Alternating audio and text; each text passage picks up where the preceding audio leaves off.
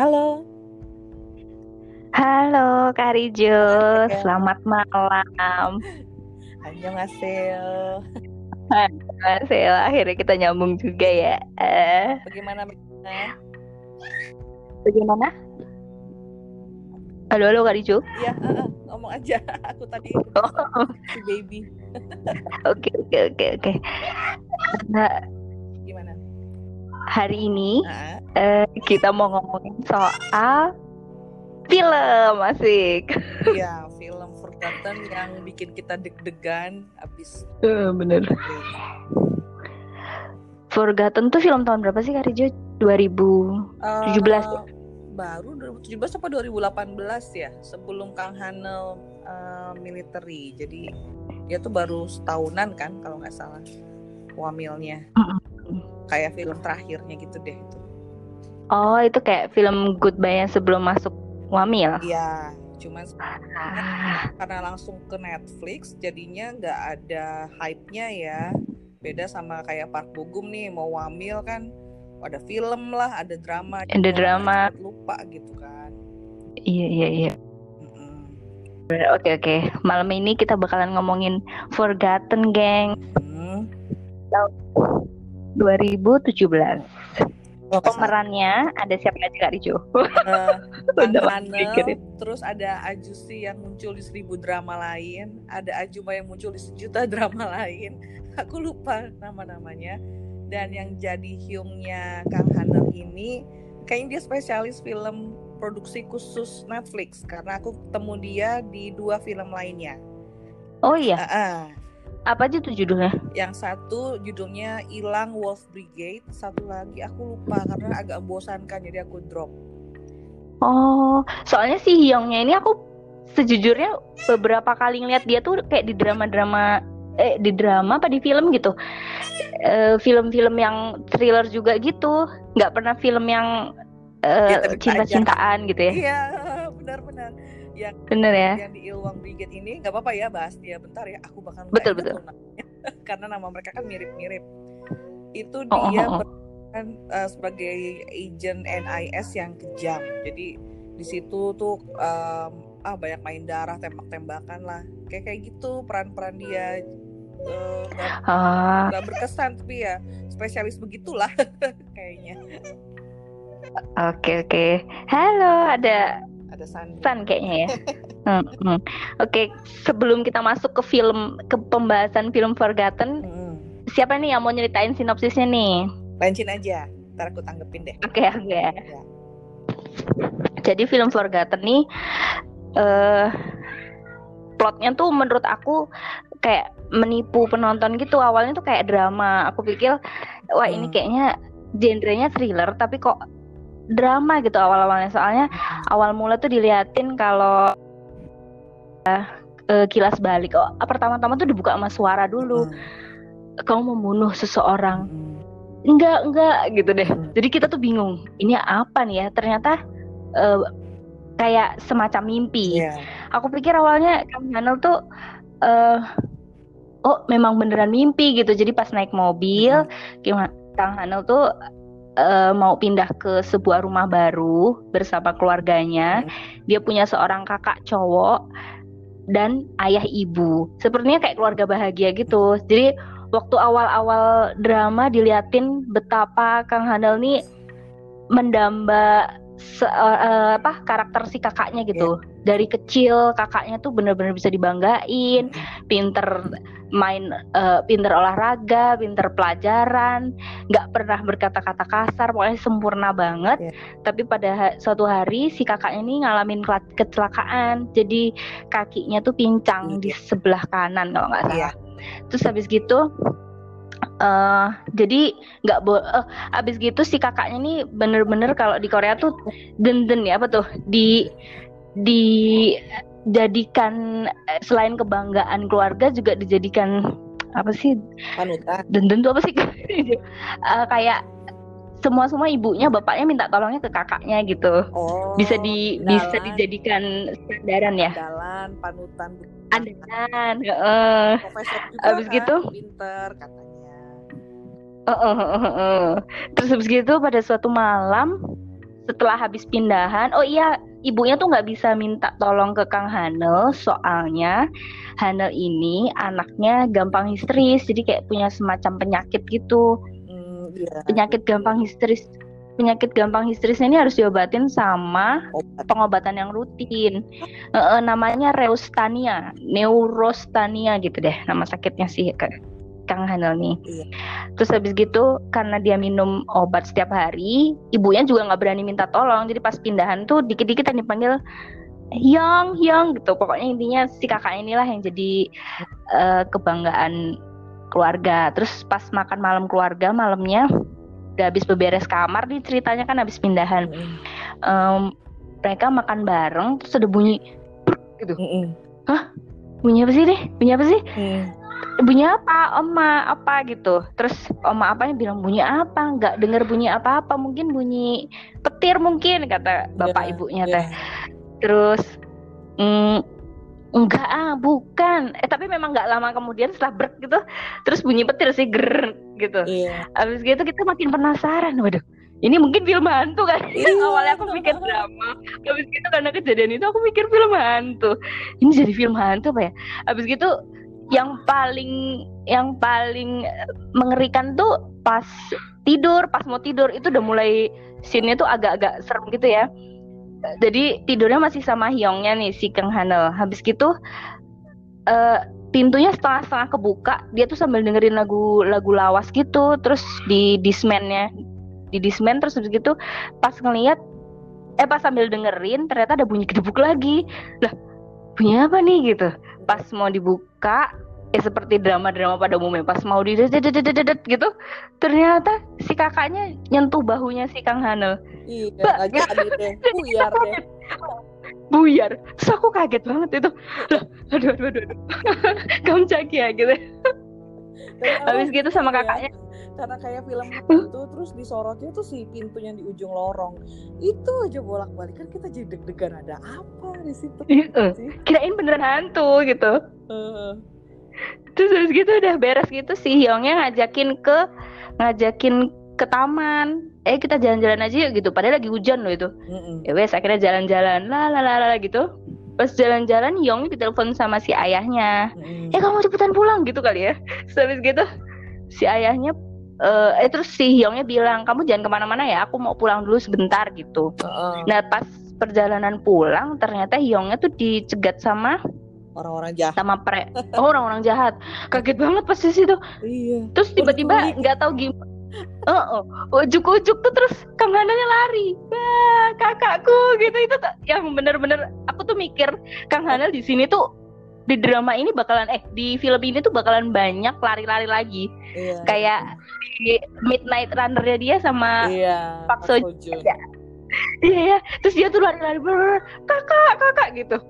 Aduh itu tuh bener-bener yang ini kenapa jadi film? Ya ini bener nih thriller udah udah bener on track nih. Heeh. pas pulang ke rumah pingsan si Kang Hanel ya.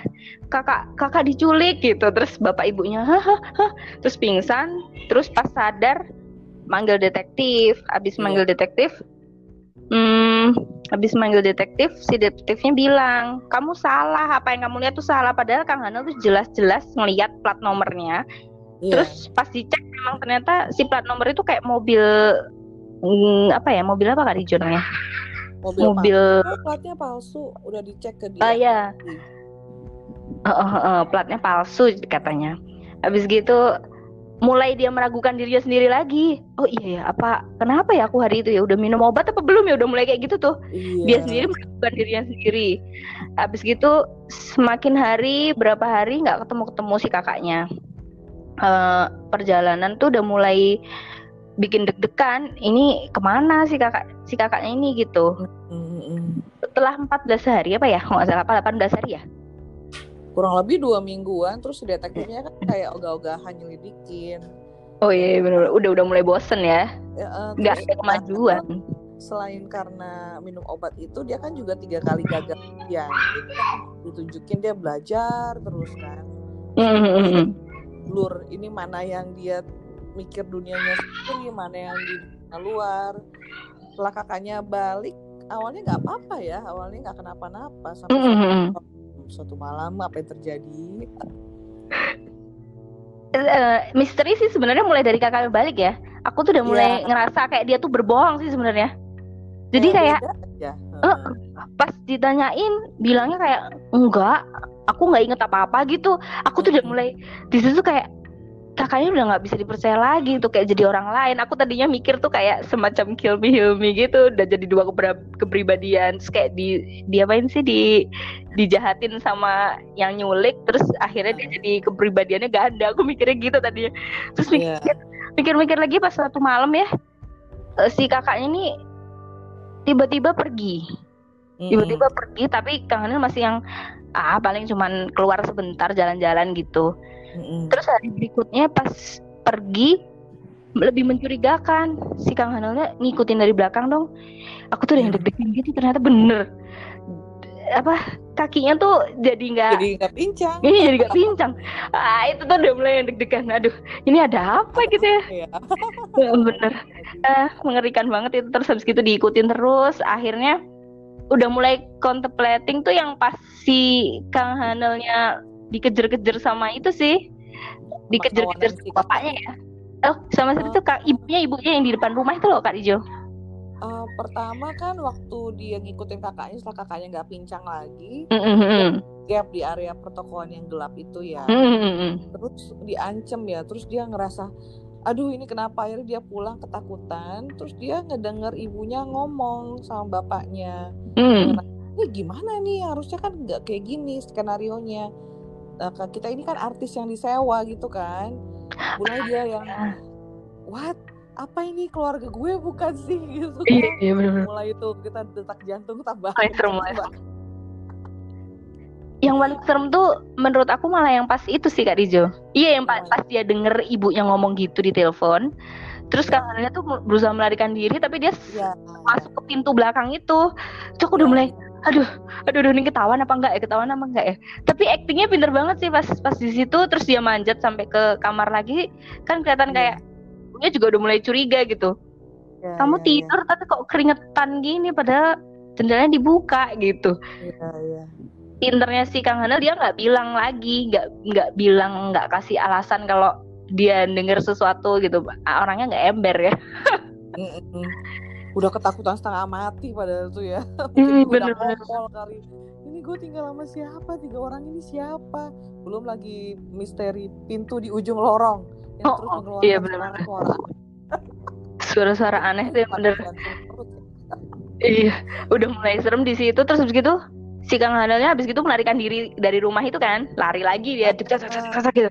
Wah itu bener seru banget itu di saat dia keluar rumah, ibunya keluar dari rumah, bapaknya pulang kerja, kakaknya dari arah yang berlawanan juga, wah kayak berasa dikepung gitu.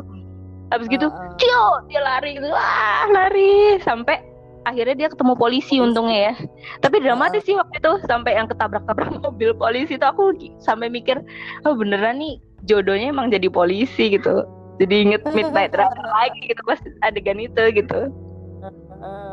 Habis itu yang kaget lagi ya, Uh-uh. Yang di kantor polisi itu ya? Iya, begitu dia natap cermin.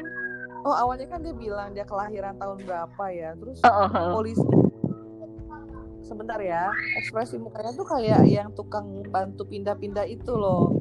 Waktu dia manggil Hyung, Hyung, kan si tukangnya bantu pindah-pindah nanya, "Kamu umur berapa emangnya?" Mungkin waktu itu kan dia udah kelihatan much older. Tua ya. Nah, begitu di kantor polisi sepertinya mungkin ada juga jerat tertentu di rumah itu. Tiba-tiba terbukalah matanya dan keriput-keriput itu. Ternyata dia umur berapa Lencin sebenarnya? 40 berapa? 40 42 ya? Iya. dia 10 tahun eh 20 tahun lebih tua dari dari yang dia sangka gitu. Iya. ah, itu, itu aku udah mulai heran. Itu apa gitu ya udah mulai heran banget tuh pas di situ Iya, itu revelation banget buat penonton yang jadi selama ini cuma pikiran ya. Terus apa dong motifnya? Kan mulai dari situ. Iya, iya, iya, iya. Wah, gimana keren ya? banget sih tapi Forgotten. Gimana ya cara dia nemuin uh, ternyata ada sangkut pautnya dengan kejahatan yang dia nggak sengaja lakukan waktu itu. Aku agak lupa. Kalau nggak salah waktu itu habis dia ketahuan umurnya terus dia tuh kayak meratapin gimana sih kayak balik ke rumah lagi gitu mempertanyakan siapa sebenarnya orang di rumah itu gitu. Akhirnya pas dia balik lagi si Hyungnya ini bilang sebenarnya kita ngelakuin ini karena kita mau membuka sebuah kasus gitu. Hah? Kasus apa? Karena ternyata kamu seorang pembunuh itu udah udah ngaku si Hyungnya oh, Dia- iya, iya. dia makin gini. Gak mungkin aku tuh orang paling orang paling sabar dia bilang gitu. Pokoknya intinya dia membela diri lah. Nggak Ah, mungkin aku kayak gitu. Aku tuh nggak mungkin bunuh orang. Nggak mungkin nggak mungkin nggak mungkin nggak mungkin terus. Akhirnya akhirnya disadarin dari hipnotisnya pak gitu.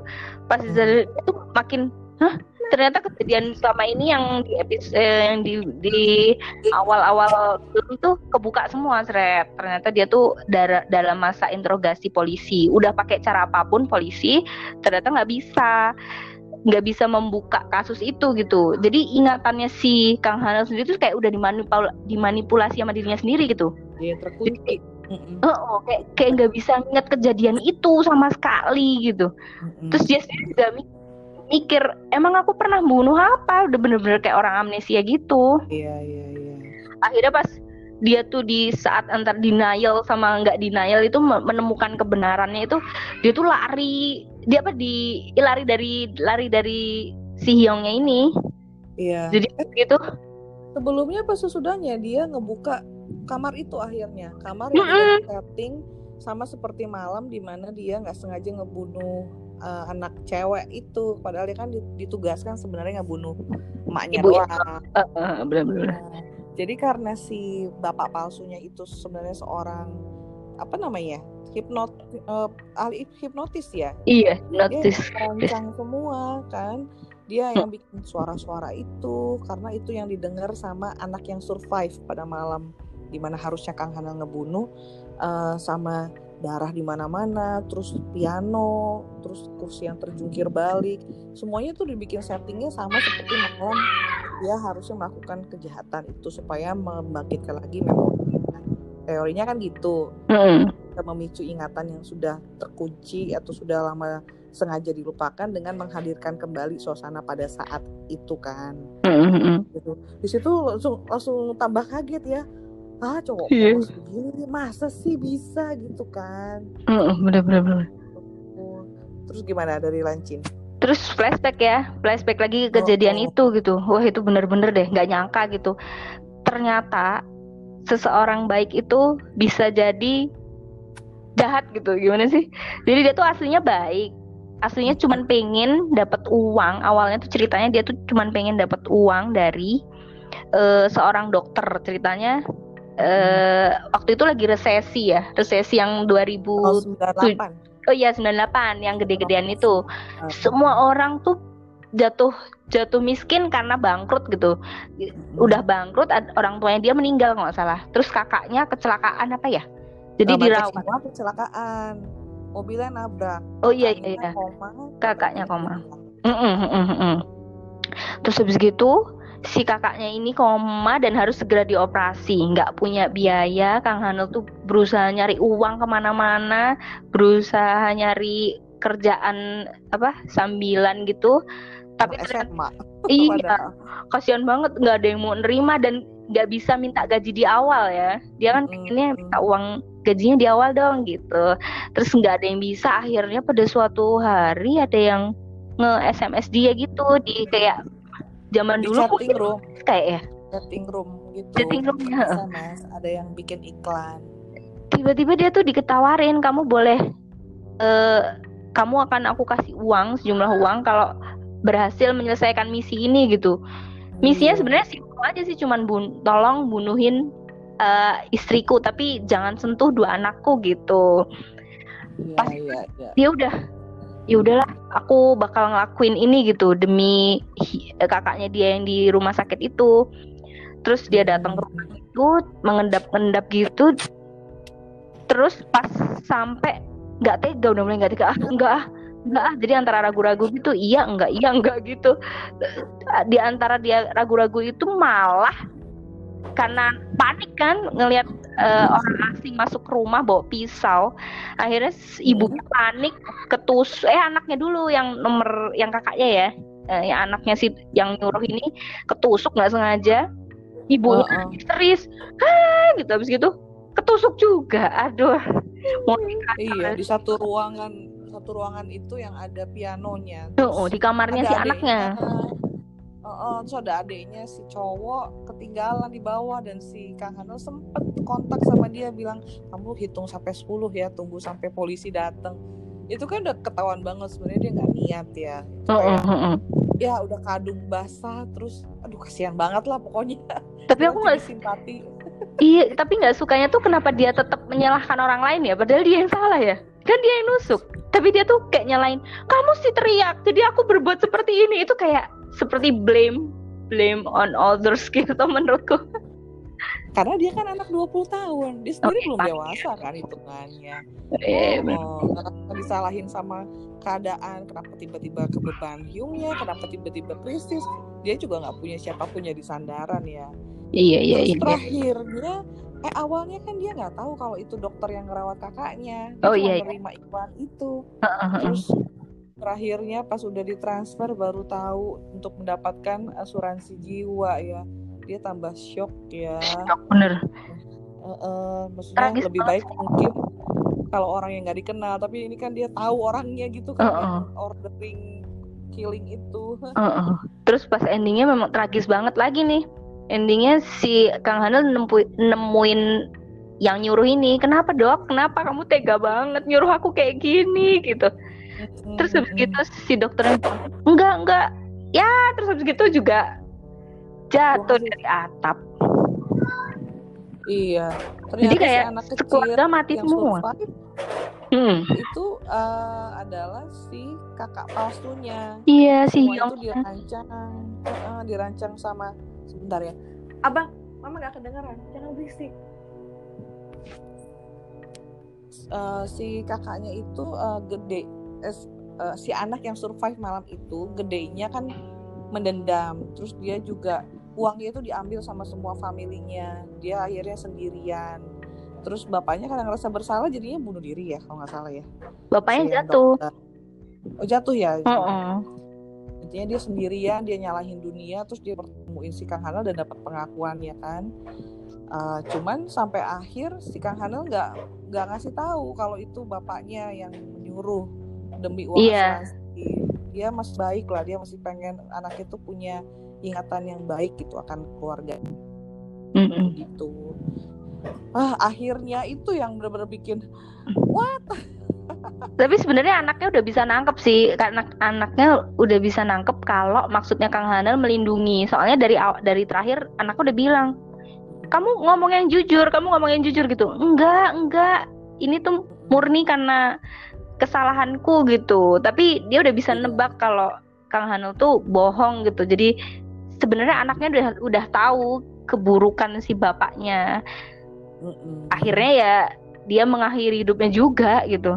Itu tragis Iya. banget sih semuanya ujung-ujungnya mati yang satu perlihatin tuh ya. eh, nyuntik racun yang satu lagi lompat dari jendela itu gak ditunjukin lompatnya tapi kita Iya. nangkep lah ya Bener ih.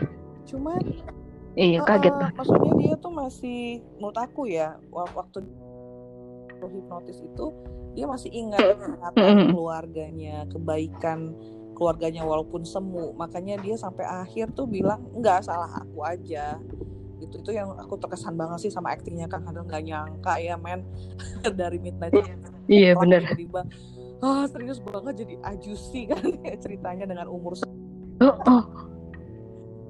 Aku tuh paling suka lagi ekspresinya dia pas kaget pas tahu dia udah tua Mm-mm. itu loh. iya Itu tuh, waduh. Oh sama pas ketakutan, pas dia ketakutan ini aku tinggal sama siapa itu bener-bener dalam hatinya tuh keluar semua gitu emosi-emosi kayak dia tuh bingung, sedih, kecewa gitu itu loh. ya udah pernah Wah, nonton Juara deh actingnya. oh, oh, buat yang udah nonton Kang Handel di uh, Moon Lover Scarlet Heart Trio sama apalagi ya ada Higher saya kan belum Dombek. belum gitu ya oh, dompet itu kan sesudah wam Heeh.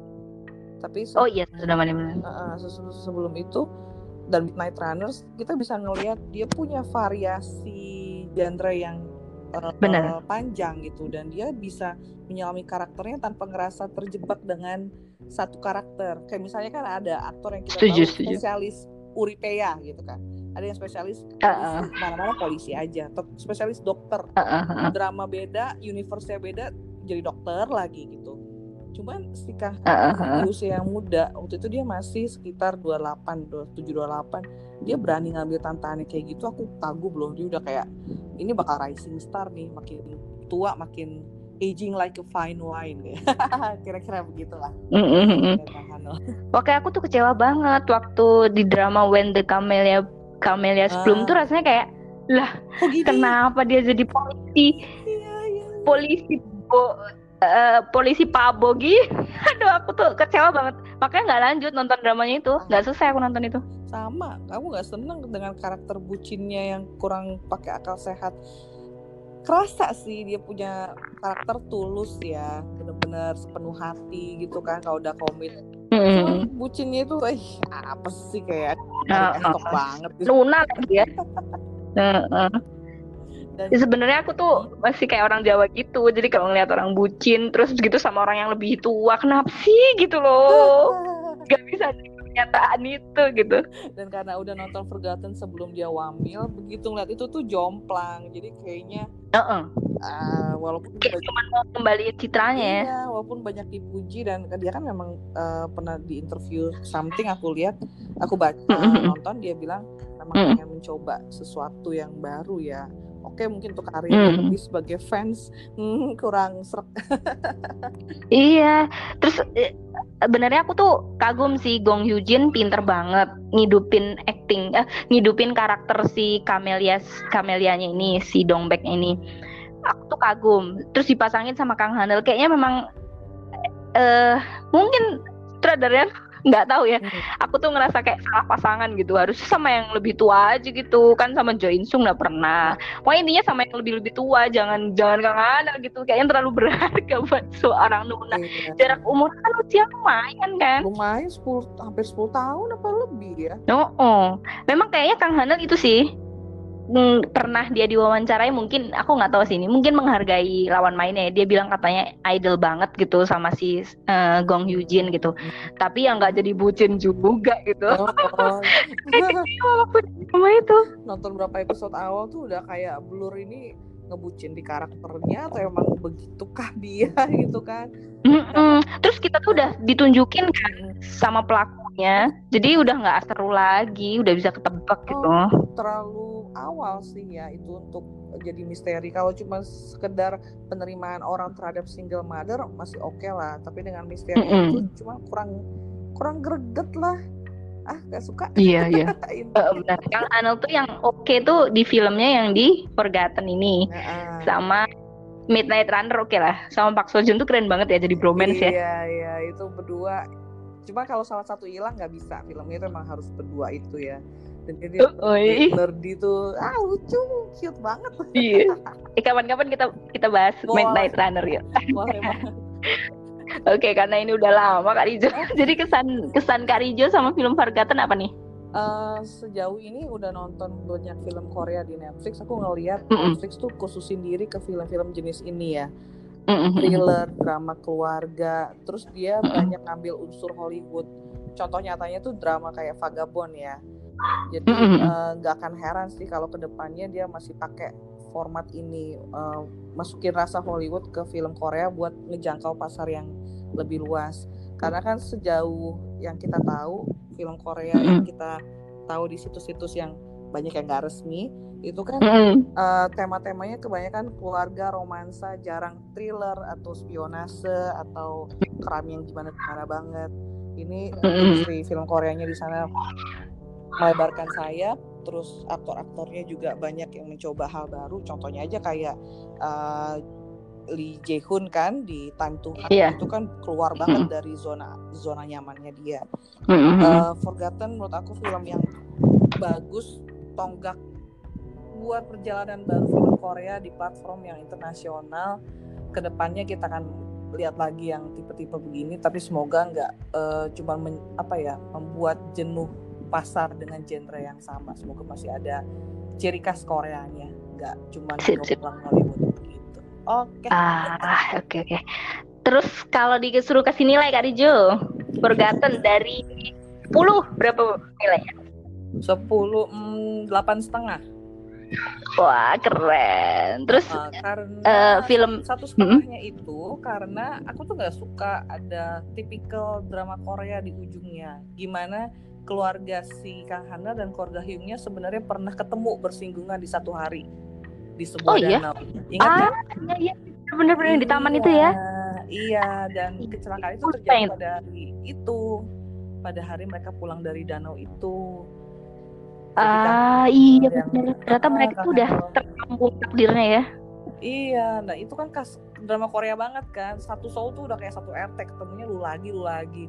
Jadi iya iya iya iya, iya. itu agak ngerusak karena mendingan yang dari out of nowhere terus terjadi daripada oh dulu pernah selisih jalan nih hidupnya terus jadinya muter satu lingkaran full circle terus um, jadi kayak menyelesaikan yang belum selesai masa lalu itu terlalu rapi gitu terlalu khas drama Korea iya iya iya ditinggalin di scene udah dua-duanya uh, Orang meninggal dengan cara uh, uh, cara masing-masing gitu Ah, aku tuh lupa banget sih yang itu. Tapi iya sih, eh, iya, aku tuh bener kagetnya di situ sih.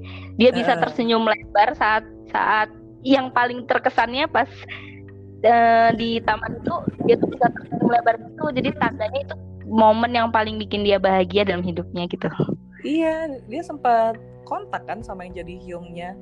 Sempat ngegendong juga. Jadi Oh, oh. oh makanya kayak ya ampun iya kenapa hidup kita jadi begini tragis iya terus Kalau termasuk legit, drama ya. aku aku sih nggak aku nggak mempermasalahkan scene yang itu sih.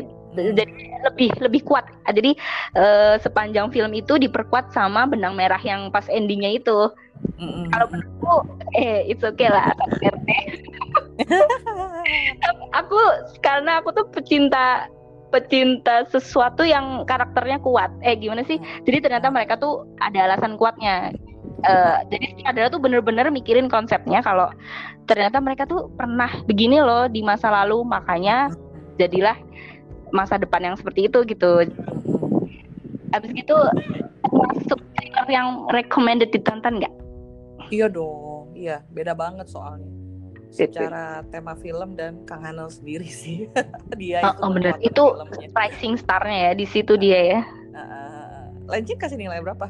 Belum uh, jawab tadi. Aku aku suka banget jadi sembilan.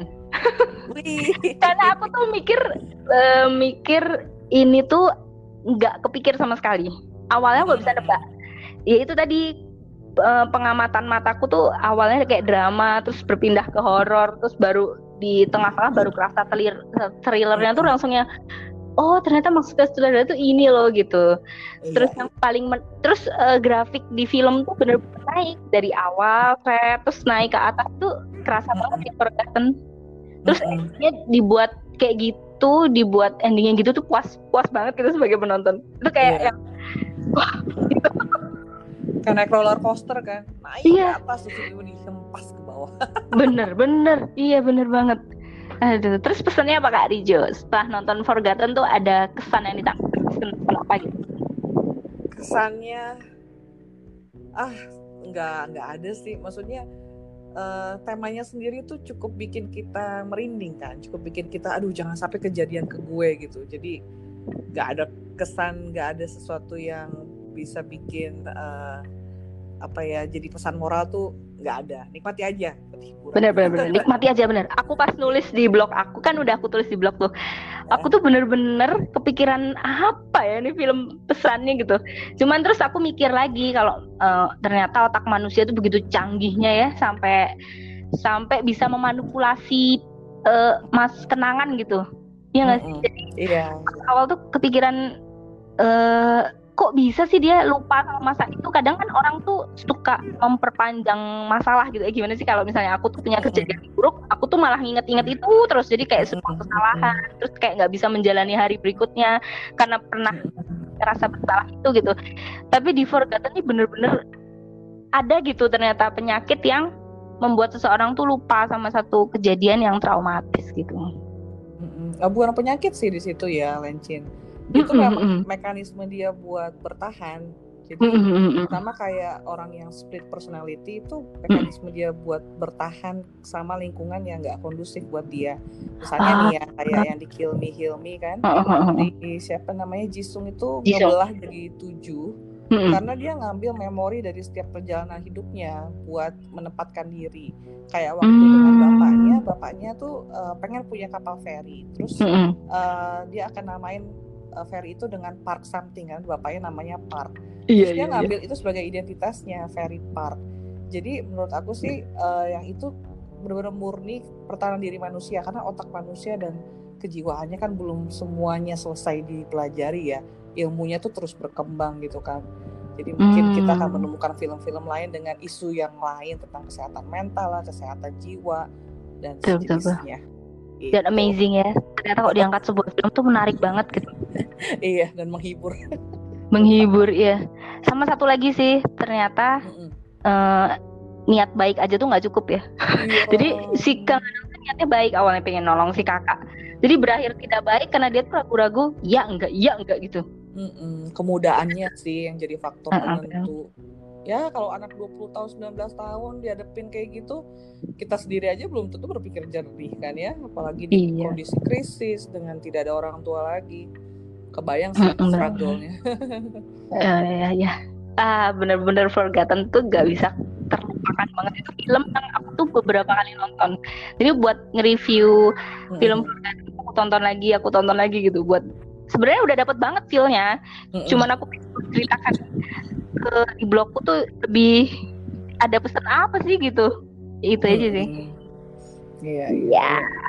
Ya. Susah dapat pesan yang positif karena mulai dari tega ngebunuh demi uang segala macam kayaknya aduh udah hiburan complicated aja bener. ya.